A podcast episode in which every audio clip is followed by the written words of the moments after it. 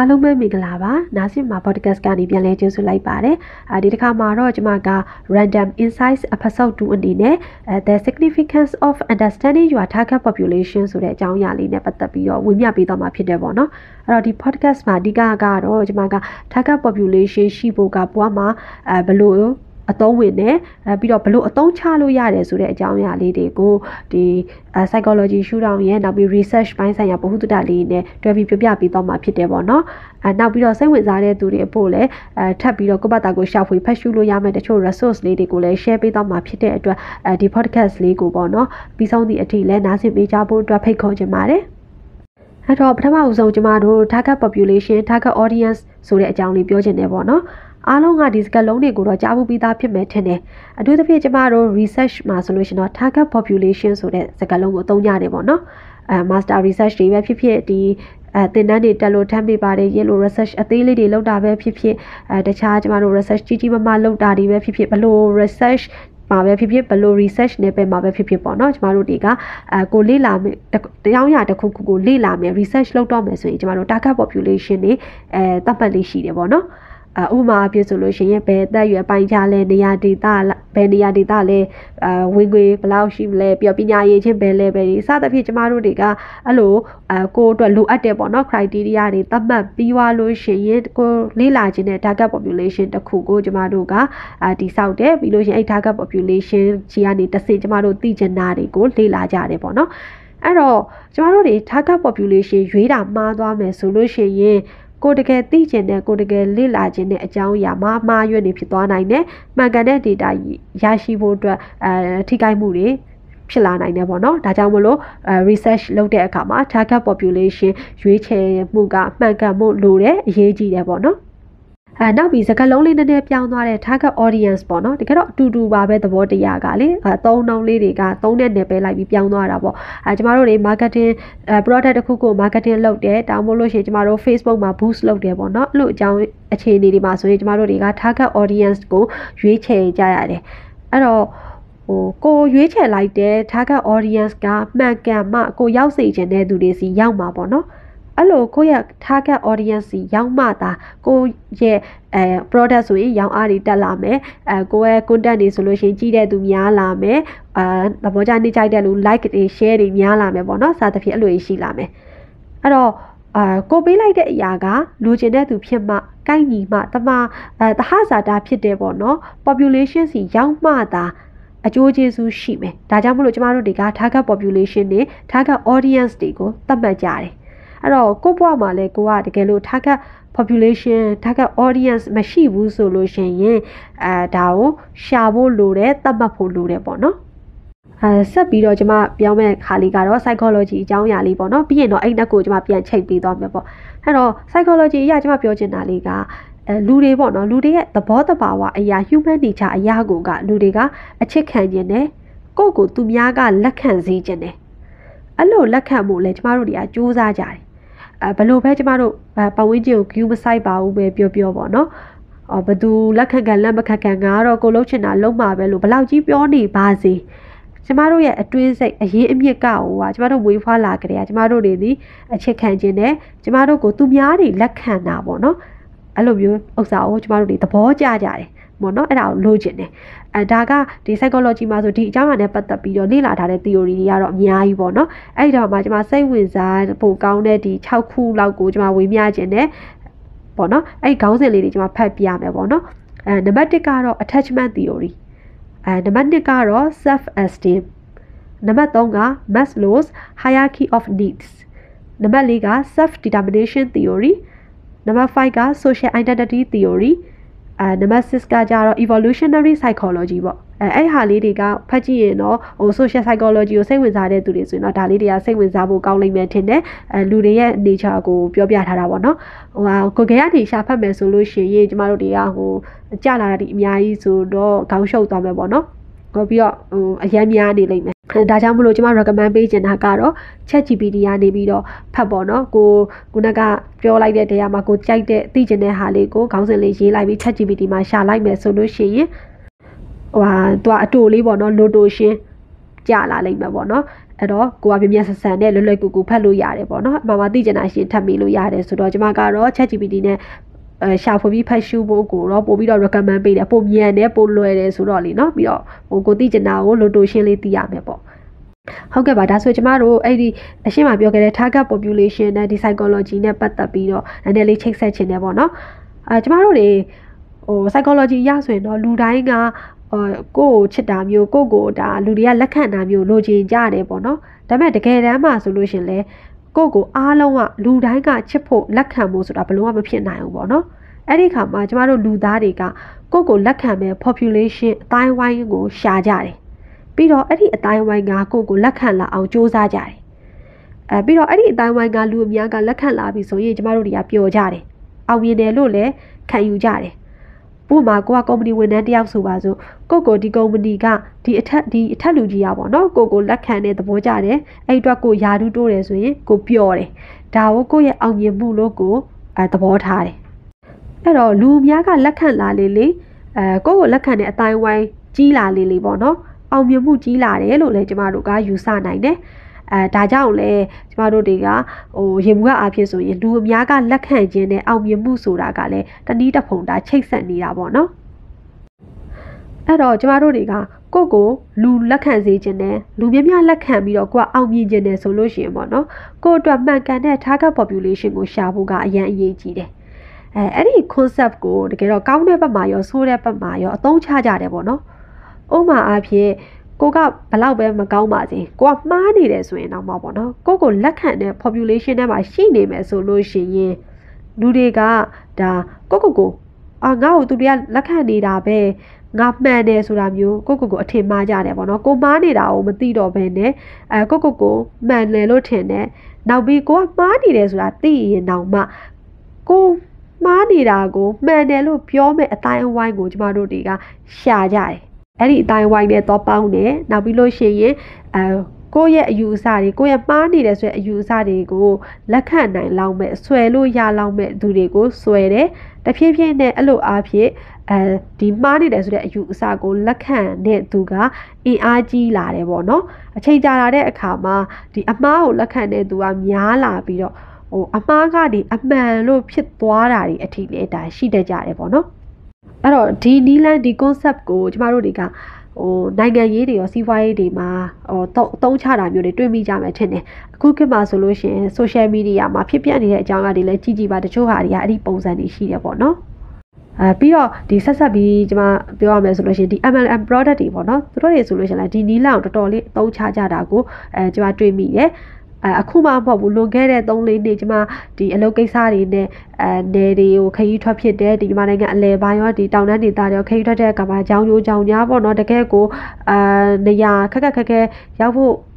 မလွယ်တဲ့နေရာဒီမှာတောင်မှတခါတလေအဲဒီလိုနီလန်းနေပေါ့နော်အဲအဲ့ဒီလူတွေကိုထားခတ်ထားပြီးတော့ဖြန့်ဝေတဲ့ product တွေရှိတယ်ပေါ့နော် ဥမာအဖြစ်ဆိုလို့ရှိရင်အဲတချို့နေရာတွေကလမ်းမဆက်သွယ်ရေးခက်ခဲတယ် online ကလည်းမရှိတာတို့ online သုံးရတာလူကြီးတွေဆိုလုံးဝမသုံးတာမျိုးပေါ့နော်အဲ့လိုနေရာတွေဘဟုတုတတွေနဲတယ်ပြီးတော့ငွေကြီးအဆင်မပြေတဲ့နေရာတွေမှာဆိုရင် product တွေလာရောင်းတယ်ရောင်းတဲ့အခါမှာအကျွေးစနစ်နဲ့ရောင်းတယ်အဲ့လိုအားဖြစ်သွားကြတယ်ပေါ့နော်အဲပြောချင်တာကအဲ့လိုရောင်းမဲ့ product အဲ့လိုရောင်းတဲ့သူတွေကဒီလူတွေကို target population အဖြစ်သတ်မှတ်ပြီးတော့သူတို့ product တွေကိုဟိုအသုံးပြုအောင်ပေါ့နော်လုပ်တာဖြစ်တယ်ပေါ့နော် အဲ့တော့အဲကျမတို့နောက်တစ်ခုက online မှာဒါလိန်တဲ့အဖွဲ့တွေအားလုံးရှိကြတာကြီးသိကြမယ်အဲတချို့လိန်တာတွေဆိုလို့ရှိရင်တကယ်ဟိုဒီ technical ဘိုင်းအဲ technology ဘိုင်းကိုမသိတဲ့ပေါ့နော်အဲလူကြီးတွေကို target ထားပြီးတော့လိန်တာတွေအများကြီးရှိရပေါ့နော်ငွေကြေးပိုင်းဆိုင်ရာလိန်တာတွေလည်းအများကြီးရှိတယ်အဲဒီလိုပုံစံမျိုးတွေသွားကြပါတယ်အဲ့တော့ဒီ concept ကိုပေါ့နော် target population ဆိုတဲ့ concept ကတော်တော်လေးကိုအသုံးချကြတယ်အသုံးဝင်တယ်ဆိုတာကိုမြင်နိုင်တယ်ပေါ့နော် အဲဒါကြောင့်ကျမတို့ရဲ့ဘဝမှာဆိုလို့ရှိရင်လည်းကိုယ့်အတွက်မှန်ကန်တဲ့ target population ကိုရှာဖို့ကအရေးကြီးပါတယ်အဲဒါပေမဲ့ပေါ့နော် target population ကိုမရှာခင်မှာတော့ကိုယ့်ကိုယ်ကိုသိဖို့ကတော့အရင်ဦးဆုံးလိုအပ်တယ် အဲဒီအကြောင်းအရာဒီကျမတို့ကိုကိုကိုသိဖို့ဆိုတဲ့အကြောင်းအရာလေးကိုတော့ကျမအရင် podcast မှာပြောခဲ့ပူတယ်အဲ့တော့စိတ်ဝင်စားတယ်ဆိုလို့ရှိရင်အဲ့ဒီ podcast လေးကိုရှာဖွေရှာပြီးတော့ပြန်နားထောင်ကြည့်ပေါ့နော်အဲကျမ podcast title လေးကတော့ know yourself ဆိုပြီးလုပ်ခဲ့တာပေါ့နော်အဲ့တော့ကိုကိုကိုသိပါပေါ့အဲ့တော့အဲ့ဒီ podcast လေးကိုရှာဖွေပြီးပြန်ဖတ်ကြည့်ပါဘယ်လို့ဆိုကိုကိုကိုသိပြီးမှဒါကျမတို့ကကိုယ့်ရဲ့ target population ကိုသိအောင်လုပ်နိုင်မှာဖြစ်တယ်ပေါ့နော်အဲကိုကိုကိုသိသွားပြီးတဲ့အခါကျလို့ရှိရင်ကိုယ့်ရဲ့ဝါသနာစိတ်ဝင်စားမှု ကိုယ့်ရဲ့ value အဲကိုယ့်ရဲ့ကျွမ်းကျင်မှုတွေအရေးချင်းတွေပါရမီတွေနောက်ပြီးကိုယ့်ဘဝရဲ့အခြေအနေကိုယ့်ရဲ့အနာဂတ်ပျော်လင့်ချက်ပန်းနိုင်တွေအဲ့ဒါတွေနဲ့တင့်တော်တဲ့ကိုယ့်အတွက်အကျိုးရှိမဲ့ကိုအောင်မြင်နိုင်လောက်မဲ့ target population ကိုရှာသင့်တယ်။ဘာဖြစ်လို့လဲဆိုလို့ရှိရင်ကိုနဲ့မကိုက်ညီတဲ့ target population ကိုရောက်နေမယ်ဆိုလို့ရှိရင်ကိုကအောင်မြင်မှုအတွက်အလားအလာနည်းတယ်ပေါ့နော်။ဟို ရေဘူးရအဖြစ်ပြောတာပေါ့အချွေးချက်တွေတော့ရှိတယ်ဒါပေမဲ့ကိုယ့်ရဲ့အစွမ်းအစနဲ့ကိုယ့်ရဲ့ target population ကလိုအပ်တဲ့အရာနဲ့ကိုက်ညီနေမယ်ဆိုလို့ရှိရင်ကိုယ့်ကိုအဲ့ဒီ target population ကလက်ခံမှုပိုလွယ်တယ်ပိုမြန်တယ်အဲ့တော့အောင်မြင်မှုဆိုတာကိုရဖို့အတွက်အလားလာပိုများတယ်ပေါ့နော်အာဥပမာအဖြစ်ဆိုရင်ကို့မှာရှိတဲ့ကျွမ်းကျင်မှုနဲ့ကိုရှာနေတဲ့အလုပ်ကကိုက်ညီတယ်ပြီးတော့ကိုအလုပ်လျှောက်တဲ့ဒီကုမ္ပဏီပဲဖြစ်ဖြစ်ဒီကိုအလုပ်လျှောက်တဲ့ယာဒူးရဲ့လိုအပ်ချက်တွေ criteria တွေနဲ့ကိုကဒါက ကိုက်ညီနေမယ်ဆိုလို့ရှိရင်ကိုအလုံးရဖို့ကပို့ပြီးတော့လင်မြန်လွယ်ကူတာပေါ့နော်အဲစัจจิဘတ်အနေနဲ့ကိုနဲ့သဟဇာတာမဖြစ်တဲ့ကိုကိုလက်မခံနိုင်လောက်တဲ့အဲကိုပါရမီမပါတဲ့ပေါ့အလုပ်တစ်ခုကိုလုပ်တယ်အဲ့ဒီပတ်ဝန်းကျင်မှာကိုကရောက်သွားတယ်ဆိုရင်တော့ဟိုအောင်မြင်နိုင်ဖို့အလားအလာနည်းတာပေါ့ဒါပေမဲ့လုံးဝမအောင်မြင်မြင်နိုင်ဘူးလို့ဆိုလိုတာတော့မဟုတ်ပါဘူး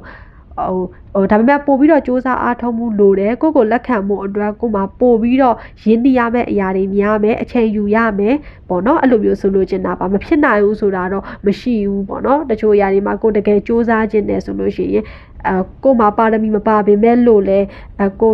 ကိုလူတွေကလက်ခံလာပြီးတော့အဲကိုယ့်ရဲ့စူးစမ်းအားထုတ်မှုတွေကြောင့်ပေါ့နော်နေရာတစ်ခုရောက်သွားတာမျိုးတွေလည်းရှိနိုင်ပါတယ်အော် ဆိုလိုချင်တာကပို့ပြီးတော့စူးစမ်းမှာပေါ့နော်ကို target population နဲ့ကိုနဲ့ကိုက်ညီနေတော့ပိုမြန်နေပေါ့ဒီလိုလေးပြောချင်တာပါအာဒါကြောင့်ကိုယ့်ရဲ့ target population ကိုသိမယ်ဆိုလို့ရှိရင်တော့ကျမတို့တွေကအကျိုးကျေးဇူးကတော့ပို့ပြီးတော့များပါတယ်အာကိုဘာလုပ်မလဲကိုဘလို့စူးစမ်းမလဲဘလောက်စူးစမ်းဖို့လိုသေးလဲဆိုတာတွေကိုကျမတို့တွေကသိနိုင်တယ်သို့မဟုတ်ခံမှန်းနိုင်တယ်ပေါ့နော် အဲအဲ့ဒါကြောင့်မလို့ကျမတို့တွေကခွဲ target population ကိုသိမယ်ဆိုရင်ပထမအဆုံးအနေနဲ့ကိုရဲ့အနာဂတ် plan တွေကိုဘာတွေ focus ထားပြီးလုပ်ဖို့လိုတယ်ဆိုတာကိုကိုကိုကိုထင်ထင်ရှားရှားသိလာမယ်။နောက်ပြီးလို့ရှိရင်ကိုယ့်ရဲ့ target population ရဲ့လိုအပ်ချက်တွေသူတို့ကြိုက်တာတွေမကြိုက်တာတွေကိုသိချင်းအပြင်သူတို့လက်ခံလာအောင်ကိုဘလို့နီးလန့်နေတဲ့စ조사လို့ရတယ်ဆိုတာကိုလည်းကျမတို့မြင်လာမယ်ပေါ့နော်။နောက်ပြီးွားရင်သူတို့လက်ခံအောင်ကိုယ့်ဘက်ကဘလို့တွေ လုပ်နိုင်မလဲဘလို့ service တွေကိုပေးနိုင်မလဲကို့မှာဘာအရေးအချင်းတွေရှိရမလဲအဲကို့ဘက်ကသူတို့လိုအပ်တဲ့ဘာတွေကိုပေးနိုင်မလဲပေါ့နော်အဲ့ဒါတွေကိုကျမတို့တွေကအမြင်လာမယ်အပျော်မြင်ရှိလာမယ်ပေါ့နောက်ပြောလို့ရှိရင်ကိုယ့်ရဲ့ target population ကကိုယ့်ကိုနှစ်သက်အောင်ကိုယ့်ဘက်ကဘာတွေ ဝမ်းစာပေါ့နော်ဖြည့်ထားဖို့လိုလဲဘလို့ skills တွေကိုတက်မြောက်ထားဖို့လိုလဲဘလို့အခြေအနေတွေရှိထားဖို့လိုလဲဆိုတဲ့ဟာတွေကိုလည်းကျမတို့တွေကသိပြီးတော့စူးစမ်းအားထုတ်နိုင်လာမယ်အဲ့လိုနီးအားဖြင့်ကျမတို့တွေရဲ့အချိန်တွေစွမ်းအင်တွေဒီ resource တွေကိုကျမတို့တွေကအကျိုးရှိရှိနဲ့အသုံးချနိုင်သွားမယ်ကိုလိုချင်တဲ့ဒီအဲ target population ကလူတွေရဲ့လက်ခံမှုကိုလည်းမြ мян ဆန်ဆန်နဲ့ဒါရလာနိုင်တယ်ပေါ့နော် အဲ target population ကိုပြောနေရင်လည်းနောက်တစ်ခုထပ်ရှိလာပါလဲဆိုတော့ predefined target population ပေါ့နော် predefined target population ဆိုတာကကျမတို့တွေရွေးချယ်ထားတာတော့မဟုတ်ဘူးဒါပေမဲ့ကျမတို့ဝေဖွာလာတဲ့ကကျမတို့ဟာသူတို့တွေရဲ့ လို့သူတို့တွေသဘောကျအောင်နေရမယ်ဆိုပြီးဖြစ်လာတဲ့အခြေအနေတွေပေါ့နော်အဲ့ဒါဘာလဲဆိုတော့ကျမတို့ရဲ့မိသားစုတွေကျမတို့ရဲ့ကြီးပြင်းလာတဲ့ဝေဖွာကြီးပြင်းလာတဲ့ပတ်ဝန်းကျင်အတိုင်းဝိုင်းတွေပေါ့နော်အဲ့တော့ဟိုကိုရွေးချယ်ထားတဲ့ target population မဟုတ်ပေမဲ့လို့ကျမတို့တွေကအဲသူတို့လက်ခံလာအောင်လုပ်ကြရတယ်ဒီသူတို့ရေအဲသဘောကျစေမဲ့သူတို့ကြိုက်လောက်မဲ့အရာမျိုးတွေလုပ်ပြီးတော့ကျမတို့တွေကအဲသူတို့တွေကိုကိုလက်ခံလာအောင်ဆိုပြီးတော့ပုံစံတွေမျိုးစုံနဲ့စူးစမ်းကြတာပေါ့နော် အော်တခါတရံမှာတော့ဒီ predefined target population မှာကိုယ်လက်ခံအောင်စူးစမ်းတာကလွယ်တယ်ဆိုပေမဲ့တခါတရံမှာလည်းအရန်ခက်သွားတဲ့အခြေအနေရှိတယ်။ဥမာအဖြစ်ဆိုကိုမိသားစုနဲ့ကိုယ်နဲ့တွေးခေါ်တွေ values တွေမတူတာမျိုးပေါ့နော်။အဲ့လိုအခြေအနေမျိုးကြရင်ကိုကအဲ့ဒီအဲ target population ဒီအကိုမွေးဖွားလာကြတဲ့ဖြစ်ခဲ့တာမို့လို့ငါဒီကနေရုံမထွက်ပါဘူးဆိုပြီးတော့အတင်းကြီးပေါ့ဒီ predefined target population မှာပဲအဝင်အောင်စူးစမ်းနေမယ်ဆိုလို့ရှိရင်အခါတည်းမှာကိုယ့်ရဲ့ဒီ အောင်မြင်မှုတွေအတွက်အနောက်ရှက်တွေဖြစ်သွားစေနိုင်တဲ့အခြေအနေတွေရှိတတ်တယ်ပေါ့နော်ဒါကြောင့်မို့လို့ကိုက စူးစမ်းပေမဲ့လို့ဒီကိုယ့်ရဲ့မိသားစုကိုယ့်ရဲ့အတိုင်းဝိုင်းဒီ predefined target population မှာအောင်မြင်နိုင်မှုအခြေအနေသူတို့ကိုဘယ်လောက်စူးစမ်းစူးစမ်းသူတို့ကလည်းကိုယ်ကိုလက်ခံနိုင်ဖို့မလွယ်ဘူးဆိုလို့ရှိရင်တော့အဲ့ဒီမှာပဲကျမတို့အသေးအတန်စူးစမ်းနေမဲ့အစားကိုယ်နဲ့တကယ်အဝင်ခွင့်ကြဖြစ်လောက်မဲ့ကိုယ့်ရဲ့အရေးချင်းတွေနဲ့ကိုက်ညီတဲ့ကိုယ့်ရဲ့ဒီ value တွေကိုယ့်ရဲ့အတွေးခေါ်တွေနဲ့ကိုက်ညီမဲ့ target population စီကိုရောက်အောင်သွားကြည့်ခြင်းအပြင်လဲကိုယ့်အတွက်ပတ်ဝန်းကျင်အသစ်မှာကိုယ့်အတွက်ပိုအဆင်ပြေသွားတာမျိုးတွေလည်းရှိနိုင်တယ်ပေါ့နော် အာဒီနေရာမှာကျွန်မဆက်ဆက်ပြီးစဉ်းစားသတိရတာမျိုးပေါ့နော်အဲ့ဒါပါလဲဆိုတော့ဟိုရုပ်ရှင်ကားတကားပေါ့အကားနာမည်လေးက The Man Who Knew Infinity ပေါ့နော်အဲ့ဒီဇာတ်ကားကတော့ဒါအိန္ဒိယနိုင်ငံရဲ့သင်္ချာပညာရှင်တယောက်အကြောင်းရေးထားရိုက်ထားတာပေါ့လေအာ သူကဆင်းရဲတဲ့မိသားစုအတိုင်းဝိုင်းကဝေဖွာလာတာပေါ့။စာဆိုလည်းတေချာမသိခဲ့ရဘူး။တေချာကိုဆိုလို့ရှိရင်တေချာဟိုဆရာကြီးတကယ်ကို formal education တွေနဲ့ရခဲ့တာမဟုတ်ဘူး။ဒါပေမဲ့သူ့ရဲ့ပါရမီပေါ့နော်။သူကတကယ်ကိုအဲ့ဒီပညာတွေအတေချာနဲ့ပတ်သက်ပြီးတော့ထူးချွန်တယ်။ဒါပေမဲ့သူ့ရဲ့မိသားစုကအရန်စီးရတဲ့အခါမှာဒီတေချာတွေကိုသူတွက်နေခြင်းဒါကြီးလုံနေခြင်းကဒါမိသားစုစာဝတ်နေရေးကိုတော့မဖြေရှင်းနိုင်တဲ့အခြေအနေဆိုလို့ရှိရင်ဆိုတော့ဟိုသူဒါကြီးကိုဘယ်သူမှ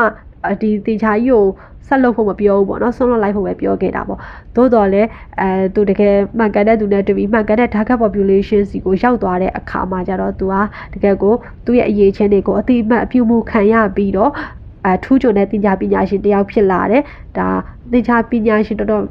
အများကြီးအကုန်လုံးမဖြေရှင်းနိုင်တယ်ပေါ့နော်တချို့တင်ချာပြဿနာတွေပေါ့နော်တင်ချာပြဿနာတွေကိုလည်းသူကဒါဖြေရှင်းနိုင်ခဲ့တယ်ဆိုတာလေးလည်းရှိခဲ့တယ်ပေါ့ဒါတကယ်ဖြစ်ရမှာပေါ့အဲ့တော့တစ်ခါတလေမှကိုကကိုမွေးဖွားလာတဲ့အဲအခြေအနေအရာကိုကအသုံးမဝင်တဲ့မျိုးဖြစ်နေပေမဲ့ကိုရဲ့ target population ပြောင်းလိုက်ခြင်းအားဖြင့်ဟောကိုနဲ့ကိုရဲ့မှန်ကန်တဲ့ပေါ့နော်ကိုအတွက်မှန်ကန်တဲ့ target population စီရောက်သွားခြင်းအပြင်အဲကိုရဲ့အစွမ်းစားတွေကအသုံးဝင်လာတာမျိုးတွေလည်းရှိတာပေါ့နော် ဟုတ်ကဲ့ပါအခုပြောခဲ့တာကြီးလဲစုံသွားပြီဆိုတော့ဗောနော်နောက်ဆုံးပိတ်အနေနဲ့ကျွန်မဒီ podcast လေးကိုပြန်ပြီးတော့ summarize လေးနည်းနည်းလုပ်ချင်တယ်ဗောနော်အပထမဦးဆုံးအချက်အနေနဲ့ကျမတို့တွေကလူတွေဆိုလို့ရှိရင်ဗောနော်လူတွေက human nature အရာကိုကကိုကိုဒီသူများကနှစ်သက်တာမျိုးသူများကလက်ခံတာမျိုးကိုလိုချင်ကြတယ်ပေါ့နော်ဒါပေမဲ့လည်းလူတိုင်းကကိုကိုလက်ခံမို့ဆိုတာတော့ဘယ်လို့မှမဖြစ်နိုင်ဘူးပေါ့နော်ဒါကြောင့်မလို့ကိုကိုဘသူတွေကလက်ခံစေချင်တယ်လဲဆိုတော့ကိုယ့်ရဲ့ target population ကိုသတ်မှတ်ဖို့တင့်တယ်ပေါ့ ပြီးသွားလို့ရှိရင်အဲ့ဒီကိုယ့်ရဲ့ target population ကိုတေချာနားလည်အောင်လုပ်တင်တယ်အဲ့လိုလုပ်ခြင်းအပြင်အာကိုမှရှိတဲ့အရာကိုမှရှိနေတဲ့အရေးချင်းတွေကကို target population ကလိုနေတဲ့အရာဟုတ်မဟုတ်ကိုကျမတို့ကအာစမ်းစစ်ဝေဖန်ရမယ်ပြီးရင်အာကိုကို ကိုယ့်ရဲ့ target population ကလက်ခံလာအောင်လို့ဘာတွေဘယ်လိုစူးစမ်းရမယ်ဆိုတဲ့ strategy တွေ approach တွေနည်းလမ်းတွေပေါ့နော်ချမှတ်ပြီးတော့လှုပ်ဆောင်သွားမယ်ဆိုလို့ရှိရင်ကိုယ့်ကိုကိုယ့်ရဲ့ target population ကအာလက်ခံလာမယ်အဲဒီလိုလက်ခံလာခြင်းအပြင် human nature အရာဒါဟာဘဝမှာ well-being ဖြစ်စေနိုင်တယ်ပေါ့နော်အကြောင်းရင်းတစ်ခုဖြစ်တယ်ဆိုတာကိုပြောရင်းနဲ့ကျွန်မညီကုန်းချုပ်ချင်ပါတယ် အခုလိုမျိုးပေါ့နော်အချိန်ပေးပြီးတော့နားဆင်မှာ podcast ကိုနားဆင်ပေးကြတဲ့သူတယောက်ချင်းစီကိုလည်းကျေးဇူးအများကြီးတင်ပါတယ်နောက်ထပ် podcast လေးမှာလည်းပြန်လည်ဆုံတွေ့ပါမယ်ရှင်အားလုံးပဲကျမပေးကြပါစေ။